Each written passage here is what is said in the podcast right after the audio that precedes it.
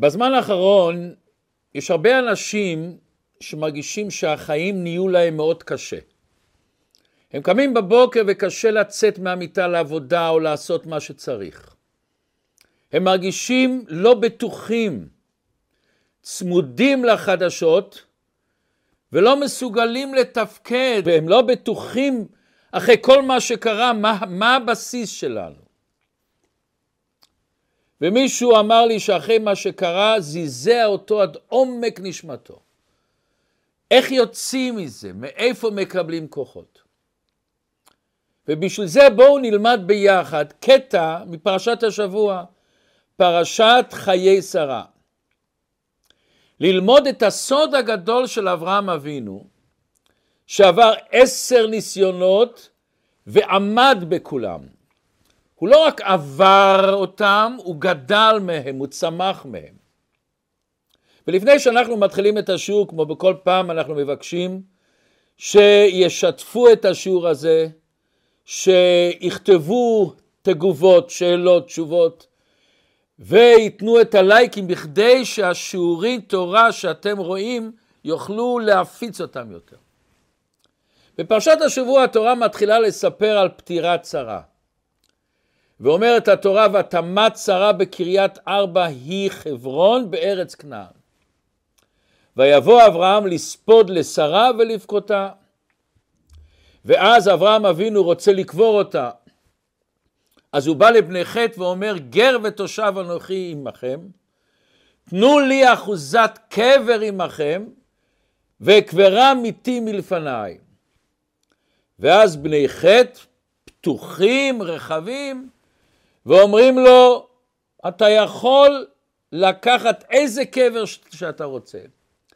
במבחר קברנו, יש לנו בית קברות, מבחר קברנו קבור את מתיך. איש ממנו אף אחד לא יסרב ש... שתקבור את המת, את אשתך. ועפרון נמצא שמה, ועפרון אומר לי, לא אדוני שמעני, השדה נתתי לך, אני נותן לך לעיני בני המין את הקבור, קבור את שרה. וכמו שאנחנו מכירים, אברהם אבינו לא הסכים לקבל את ההצעה של עפרון. הוא אמר לו, אני רוצה לשלם לך כסף. מה בעצם הייתה הבעיה הגדולה של אברהם אבינו? שהוא לא רוצה לקבל בלי כסף. אנחנו מכירים שאנשים שמציעים להם בלי כסף, למה לא? אז יש כמה הסברים, אבל אחד ההסברים הוא שהם נתנו לו מקום, זכות לקבור בבית העלים הציבורי. תבחר לך איזה חלקת קבר שאתה רוצה. אבל הם לא נתנו לו שטח אדמה פרטי שיהיה שלו. הם אומרים לו, במבחר מה שתבחר לך בכל הבית הקברות שלנו. אברהם אבינו אמר להם, בואו נשים לב, תנו לי אחוזת קבר. והם אומרים לו, קבור מתיך. ולכן אברהם אבינו היה צריך להתחנן 18 פסוקים באריכות, להשתחוות להם עד שהסכימו לתת לו, לתת לו אפשרות לקנות את מערת המכפלה. והוא שילם על זה מחיר מופרז מאוד. לדוגמה, בפרשת וישלח מסופר שיעקב קנה במאה קשיטה חלקת שדה ענקית בשכם. וכמה? בארבע שקלי כסף וארבע מאות. כאן בקצה השדה הוא שילם פי מאה, ארבע מאות שקל כסף עובר לסוחר. זה לא היה שווה את זה. אבל אברהם אבינו היה מוכן לשלם את הכל מכיוון שהוא רצה שיהיה לו חלקת אדמה. וכאן אנחנו באים לדבר מעניין מאוד. אנחנו מכירים, כמו שאמרנו, אברהם אבינו עבר עשרה ניסיונות. מה היה הניסיון האחרון והקשה?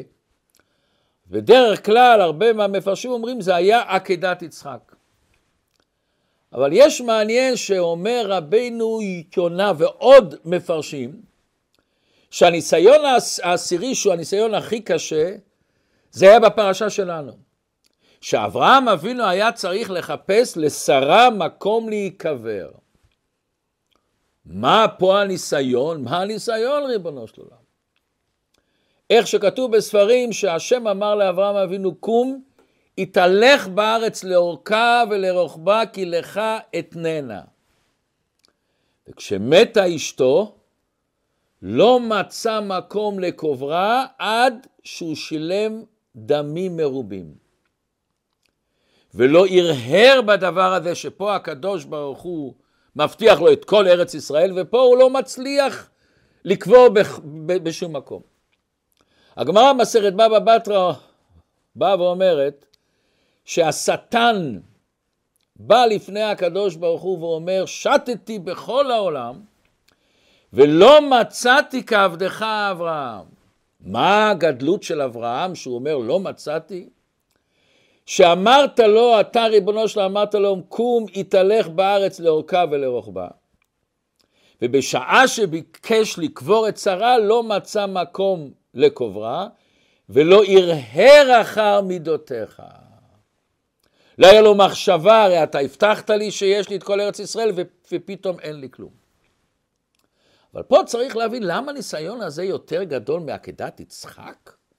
עקדת יצחק שהשם אמר לו, תיקח את בנך יחידך, תעלהו לעולה, זה לא יותר גדול? אבל יש בזה כמה הסברים. היום נראה כמה הסברים רק. הסבר ראשון, בעקדת יצחק, הקדוש ברוך הוא אומר לאברהם בפירוש מה לעשות. הוא קיבל ציווי מפורש מהקדוש ברוך הוא, לך לעקוד את יצחק. זה קשה, אבל זה ציווי מפורש. וברגע שהשם מצווה לך זה ניסיון, אבל בכל זאת אתה שומע מה רוצה הקדוש ברוך הוא, ואתה שומע שהוא מעמיד אותך בניסיון.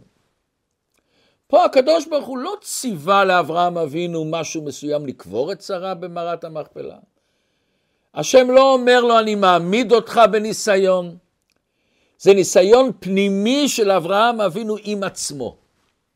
שאברהם אבינו הוא זה שרוצה לקבור את אשתו שרה. והוא הולך לקבור בארץ ישראל, והשם הבטיח לו כל ארץ ישראל היא שלך. והוא לא מוצא מקום. בינו לבין עצמו, בנפשו פנימה, יש את השאלה, ריבונו של עולם, השם הבטיח לי, השם הבטיח לי, ואיך אני לא מוצא מקום? ויש כאן עוד דבר מעניין. איך נפטרה שרה? אומר המדרש, היא נפטרה אחרי עקדת יצחק. איך? אומר המדרש, באותו שעה הלך השטן אצל שרה, ונדמה לה כדמות יצחק. וכיוון שראתה אותו, אמרה לו, בני, מה עשה לך אביך? אמר לה יצחק, הוא לקח אותי והעלני הרים, והורידני בקעות, והעלני לראש הר אחד, ובנו מזבח וסידר המערכה, והעריך את העצים, ועקד אותי על גבי המזבח, ולקח את הסכין לשחטני. ואלמלא שאמר לו הקדוש ברוך הוא, אל תשלח ידך אל הנהר, כבר הייתי נשחט. אומר המדרש שהוא לא הספיק לגמור את הדבר, הוא לא גמר את סוף הסיפור. הוא רק עומד ועקד אותי על גבי המזבח ולקח את הסכין לשוחטני, ויצאה נשמתה. זה מה שכתוב, ויבוא אברהם לספוד ולשרה ולבכותה, מהיכן הוא בא? הוא בא מהר סיני, כך אומר המדרש, ורש"י מביא את זה בקיצור. פה באה השאלה הגדולה. אברהם אבינו הלך לעשות את מה שהקדוש ברוך הוא אמר לו. יש לנו כלל גדול, שלוחי מצווה אינם ניזוקים. איך יכול להיות לכאורה אברהם אבינו היה צריך לחשוב שאחרי שעמדתי בניסיון כזה עצום, ודווקא בגלל הניסיון הזה נפטרה שרה? והוא צריך עוד לחפש מקום לקבור אותה או לא מוצא, שהשם הבטיח לו שיש לו את ארץ הקודש. אבל אברהם אבינו היה כל כך דבוק בקדוש ברוך הוא בצורה פנימית, שלא עלה על דעתו דבר כזה. לא שהוא לא שאל ולא שאל את הקדוש ברוך הוא, לא עלה על דעתו. עקדת יצחק השם ציווה לו לעשות מעשה, מעשה אני יכול לעשות, אני כן מרגיש, לא מרגיש, כן רוצה, לא רוצה, אני עושה. אבל אנחנו יודעים שמחשבות של בן אדם הם אורחים בלתי קרואים. אברהם אבינו לא חשב לרגע מחשבות אחרות. כל כולו היה דבוק בקדוש ברוך. ואנחנו מכירים את הכלל הגדול, שאת הגדלות של בן אדם לא רואים דווקא בדברים הגדולים שהוא עושה. דברים הגדולים בן אדם רוצה לעשות, הוא מרגיש שזה אתגר, זה ניסיון, אני אדם גדול, אני צריך לעשות את זה. איפה רואים את הגדלות של בן אדם? דווקא בפרטים הקטנים. ועכשיו באה השאלה הגדולה, מאיפה? איך בן אדם בשר ודם כמו אברהם אבינו קיבל עוצמה כזאת לעמוד בעשרה ניסיונות, ובניסיון הזה שאפילו לא עלתה על מחשבתו לרגע, והוא לא שאל את הקדוש ברוך הוא. בא המדרש ואומר דבר נפלא, שאנחנו צריכים מאוד להפנים אותו. אומר המדרש, הקדוש ברוך הוא ברא את האדם, מאיפה הוא ברא אותו? מן העליונים ומן התחתונים. אנחנו יודעים, ויצר את האדם מן העפר, מהגשמיות, ויפח באפו נשמת חיים. בעולם יש לנו מלאכים שהם מהעליונים, אין להם קשר לא לגשמיות, למידות רעות, לתאוות, למחלוקות, למלחמות, לשנאה, אין להם. אבל יש אנשים שהם בתחתונים, כל הבעלי חיים למיניהם. כל הקשר שלהם זה גשמיות, אוכל. הם לא יודעים מה זה רוחניות. האדם מורכב. האדם יש בו שתי עולמות. לכן כל אחד מבינינו שלפעמים עושה לעצמו חשבון נפש, הוא לא קולט איך יכול להיות שלפעמים אנחנו כל, כך אגואיסטים, כל כך קטני אמונה, כל כך קטנות הדעת, מסתכסכים על דבר קטן, על כבוד, על מילה, על איזה קינה יש לנו. סתם שאני מסתכל אחורנית, איך, איך, אני, איך אני עשיתי כזה דבר? איך הרגשתי ככה? איך חשבתי ככה? ומצד שני, אותו בן אדם יכול לעשות חסד, לתת מעצמו, להקריב מעצמו, להיות כולו רוחני, כולו אלוקי. יש לנו את שני הדברים האלה. את התחתונים, שזה הגוף, והנשמה מהעליונים.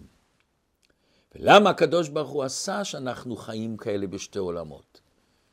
יש לנו שליחות להוריד את השמיים לארץ.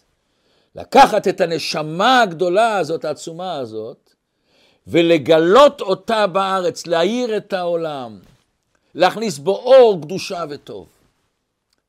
ובמדרש הזה יש יסוד גדול בחיים, שאם יהיה לנו את המודעות הזאת, זה משנה לנו את כל החיים. אני רוצה להקדים לכם סיפור יפה על הרב אדינשטיין זלץ. זה סיפר אחד מהתלמידים שלו. היינו באיזו התוועדות ב...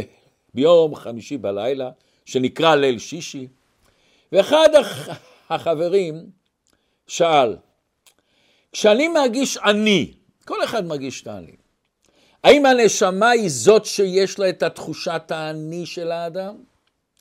או שאני הוא, הוא דבר יותר נמוך, שהאדם, שהנשמה חופפת עליו. ועד אדינשטיינזץ ככה כמה שניות, דקות, הוא חושב, ואומר, כמי שמכיר אותו כזה, רעיון מקורי. הוא אומר, אנחנו רואים לפעמים בניינים רבי קומות. כל אדם הוא בניין גדול. בבניין הזה יש קומות עליונות גבוהות, יש קומות התחתונות ויש מרתף. יש לו קומות גבוהות שקרובות לשמיים, אבל יש לו מרתף שהוא חשוך. האדם מחליט באיזה מקום אני גר. האם אני גר בקומה עליונה ואני צמא וחי בחלק העליון, ושם זה התחושת האני שלי, או במרתף. ויש אנשים שהרגשת האני שלהם זה בקומת הנשמה. וזה תחושת האני שלו. ואז הוא נתן חיוך הרב אדין שטיינזרץ ואמר, אבל יש אנשים שמתעקשים דווקא לגור במרתף הזה, החשוך הזה, המלוכלך הזה. וכואב הלב לראות את האנשים האלה.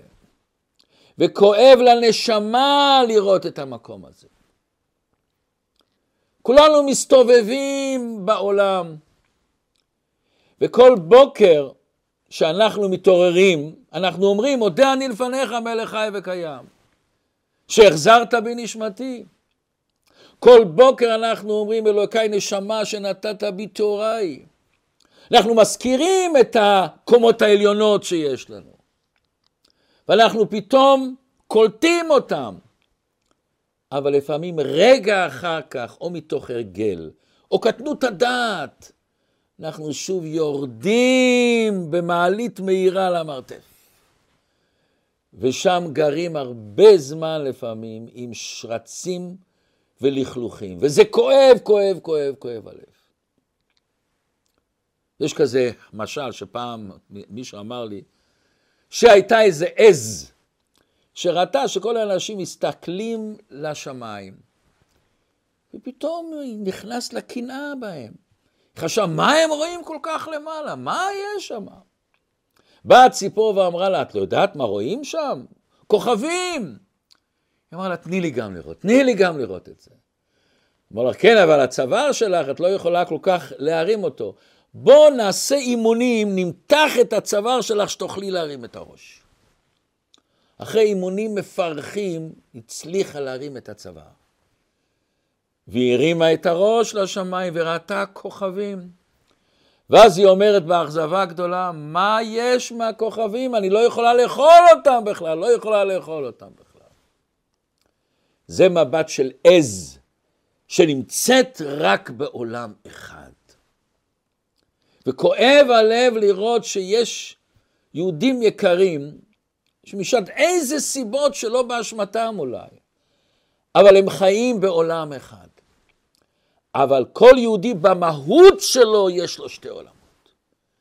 במהות שלו יש לו את הנשמה, את הקומות העליונים, והקדוש ברוך הוא שלח אותו כמו שגריר שנמצא במדינה אחרת. אם אתה שואל איפה אתה נמצא, אני נמצא במדינה זאת וזאת. אבל מה החיים שלי, מה המהות שלי? לדאוג לאינטרסים של המדינה ממנה באתי. כל יהודי אתה חי בעולם הגשמי, אתה נושם את העולם הגשמי.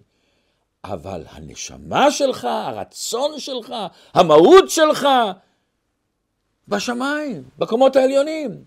ואתה רוצה להוריד את הקדושה דווקא לעולם הגשמי. לכן המצווה הראשונה בתורה, פרו ורבו. דבר ראשון, פרו ורבו זה הדבר הנפלא שאנחנו יכולים לחבר נשמות לגופים. המצווה הראשונה שהשם אומר לאדם הראשון, פרו ורבו. אז זה גם כפשוטו להביא עוד ילדים. אבל מה הרעיון פה? הרעי... הרעיון לחבר גשמיות עם אלוקות. להוריד את הנשמה האלוקית דווקא בעולם הגשמי. וזה הפרו ורבו ברוחניות.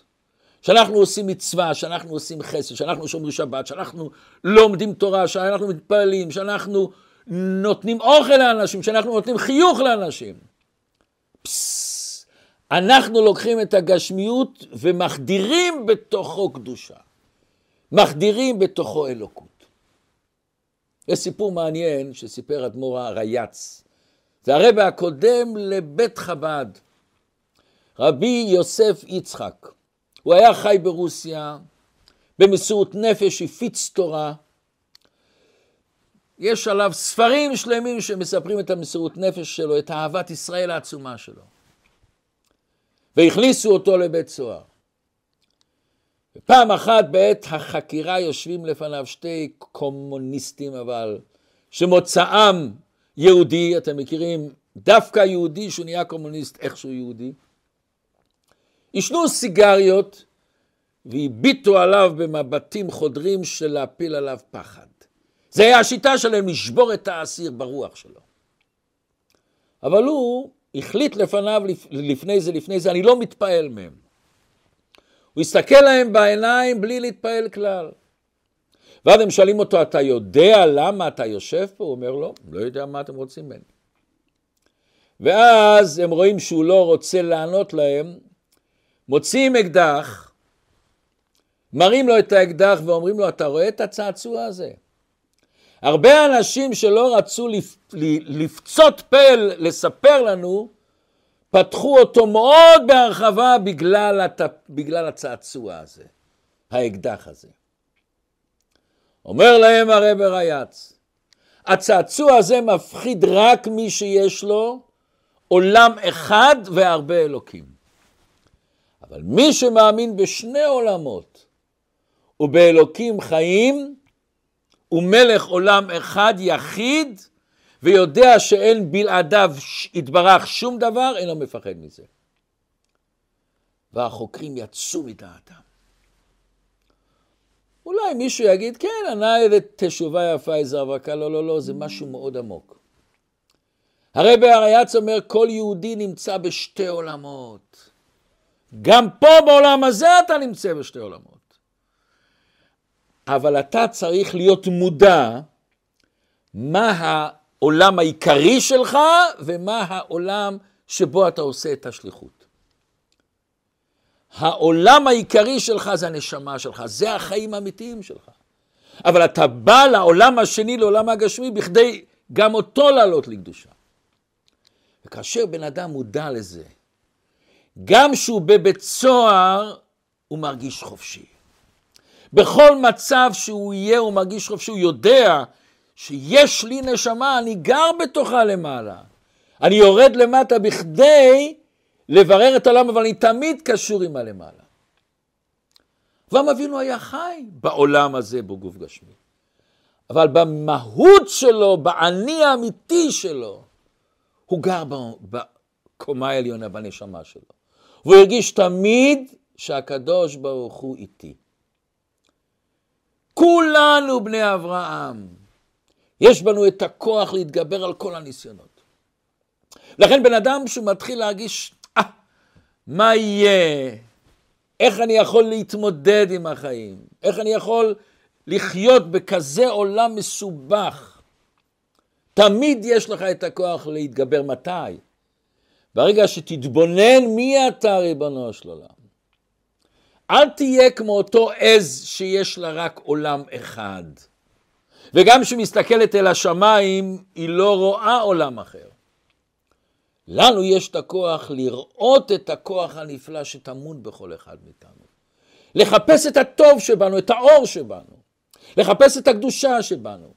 להיזכר ולשחזר את כל הדברים הטובים שעשינו, שלפעמים יצאנו מעצמנו. לחפש את המקום שיש בנו שם, את החיות ואת ההתלהבות.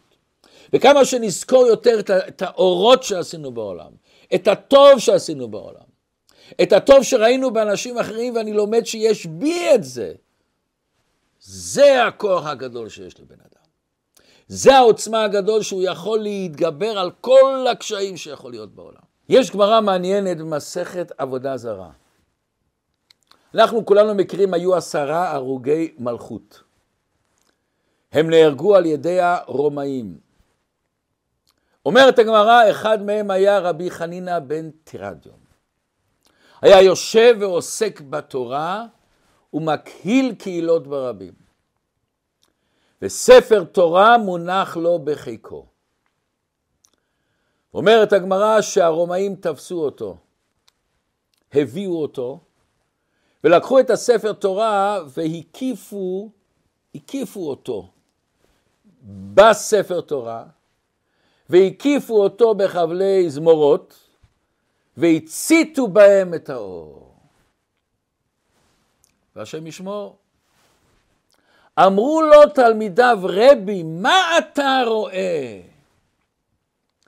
אמר להם, גבילים נשרפים ואותיות פורחות. מה השאלה מה אתה רואה? מה זאת אומרת מה אתה רואה? ככה שואלים רבה? למה לא בוכים איתו? למה לא מצטערים איתו? למה לא מתפללים עליו? מה זה מה אתה רואה? מה כאן יש לראות? התלמידים יודעים שרבי הוא תמיד מורה להם את הדרך. הוא מדליק להם את הפרוז'קטור לאיפה אנחנו הולכים. הוא מאיר לנו איזה מצב אנחנו נמצאים. הם ראו את הגזרות הנוראות שהרומאים עשו לעם ישראל.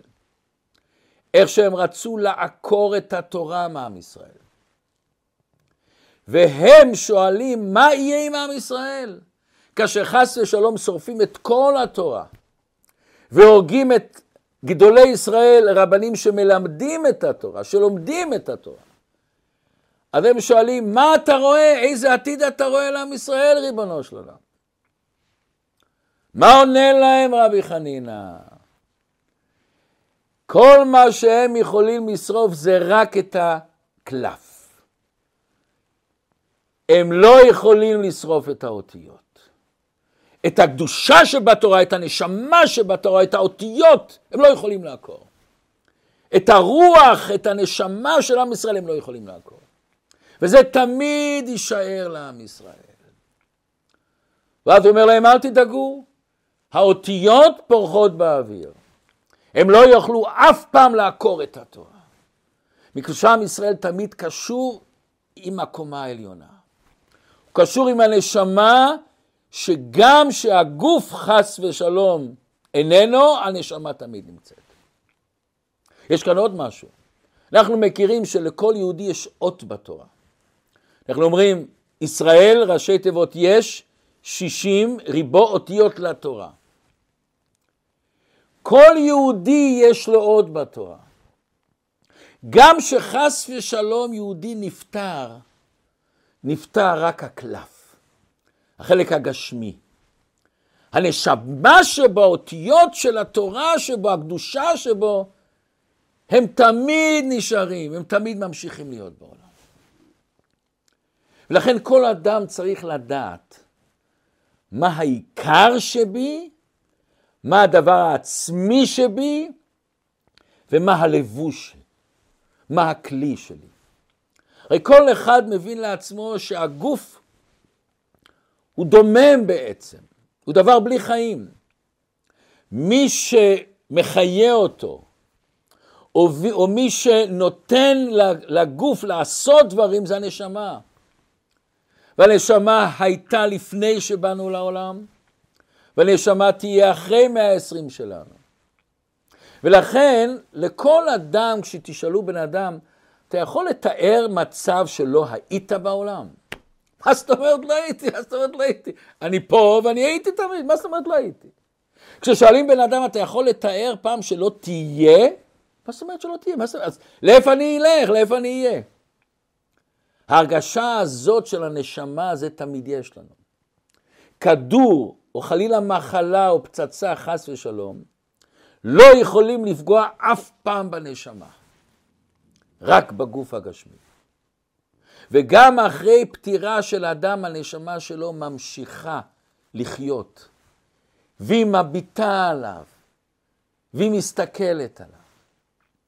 היה מרגש מאוד לשמוע, לקרוא, מה שבזמן האחרון מתגלה, את העוצמת נפש, את המסירות נפש של חיילים ואזרחים. ומצאו דבר מעניין, מצאו גם חיילים או אזרחים צעירים שכתבו מכתבים למשפחה שלהם. וכתבו להם, אם אני אעזוב את העולם לפני הזמן הנורמלי, אם השליחות שלי תיגמר יותר מוקדם, בבקשה ממכם, אבא ואימא וכל המשפחה, תדעו לכם שאני אוהב אתכם. ואני מבקש מכל המשפחה, תמשיכו לחייך. תמשיכו לחיות. זה מה שאני מבקש מכם. אני מן השמיים אחייך אליכם. אני מן השמיים אשמח איתכם ביחד. וזו הבקשה הגדולה שלי. תמשיכו את החיים, אבל תמשיכו חיים עם משמעות, עם אור, חיים שאתם מורידים קדושה ואור ואהבה ושמחה בעולם הזה. זה הבקשה שאני מבקש. ואני תמיד, תמיד, תמיד אשמח איתכם ביחד. אני הייתי בניחום האבלים של ילד צעיר. והוא אומר, אנשים אומרים לי שאבא עכשיו בשמיים מאוד שמח. אבא בשמיים עכשיו נמצא אצל אבא שלו בשמיים, בגן עדן, הוא לא סובל בכלל, הוא נהנה. הוא מסר את נשמתו על קידוש השם, ואנחנו יודעים, אין מדרגה יותר גדולה מאשר קידוש השם. והאנשים האלה שנפטרו, רק בגלל שהם יהודים. זה נקרא לעזוב את העולם על קידוש השם. ואז אותו הילד שואל, אבל האבא רואה שלי יש צער. אבא רואה שאני בוכה.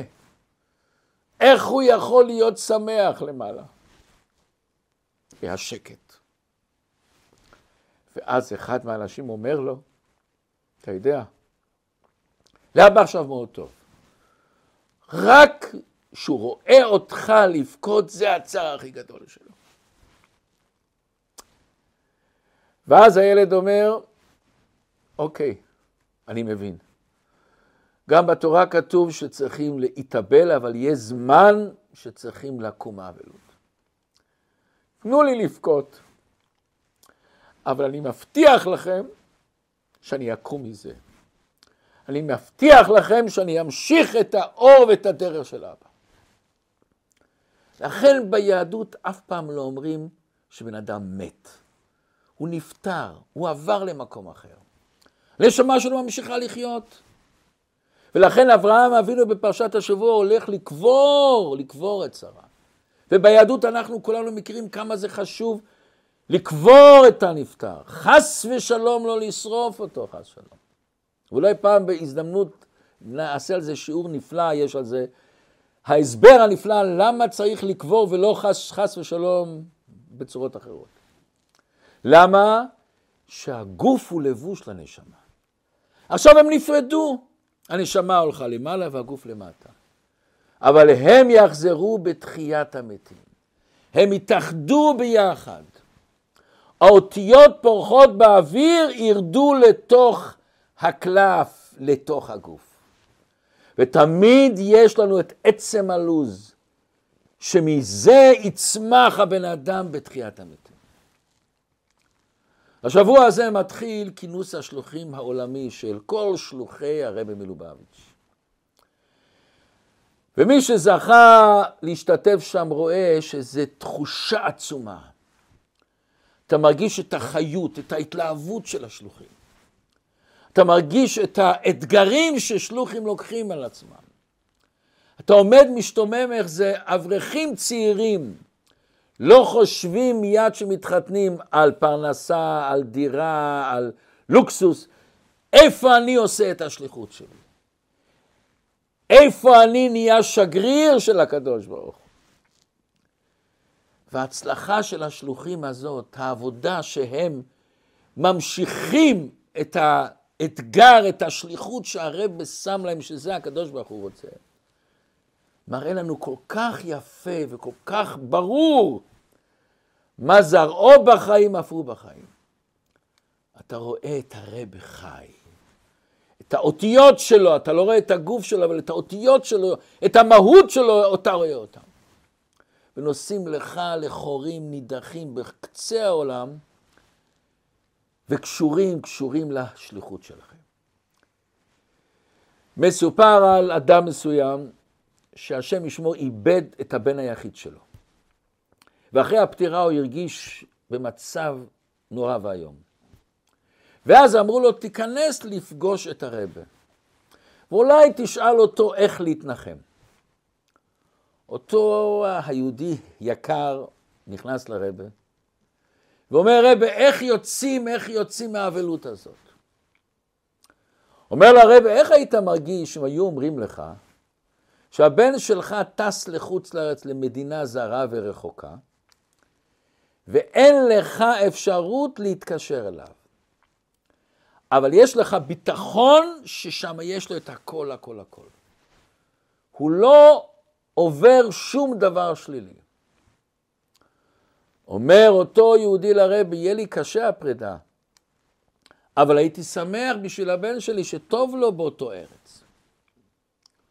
שואל אותו הרבי, ואם היה לך באפשרות לשלוח לבן שלך, שמתגורר שם באיזה אי שם, מתנות, דברים שהוא אוהב, דברים שיעשו לו שמחה, דברים שייתנו לו אור בעיניים, היית שולח לו?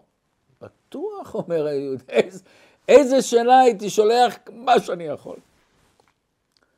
אומר הרב, זה בדיוק המצב שלך. אתה לא רואה את הבן שלך, אבל הוא רואה אותך. וכל קדיש, וכל תפילה, וכל מצווה, וכל חסד, וכל שמירת שבת, וכל שיעור תורה, וכל דבר שאתה עושה בשבילו, אתה שולח לו חבילה. הבן שלך אולי לא יוכל להגיב לך, מכיוון שאתה אין לנו את החוש לשמוע אותו. הוא נמצא בעולמות רוחניים, האוזניים שלנו שומעים את הגשמיות. אבל תדע לך שהוא מאוד מעריך את המתנות שלך. הוא מאוד מתפלל עליך. שנזכה כולנו לתחיית המתים בקרוב ממש, ושכל החטופים והשבויים יחזרו בשלום בשלום לארץ הקודש. ושכל הפצועים והחולים, שמשלח להם רפואה שלמה, ונזכה בקרוב ממש לעוד יישמע בערי יהודה בחוצות ירושלים, כל ששון וכל שמחה.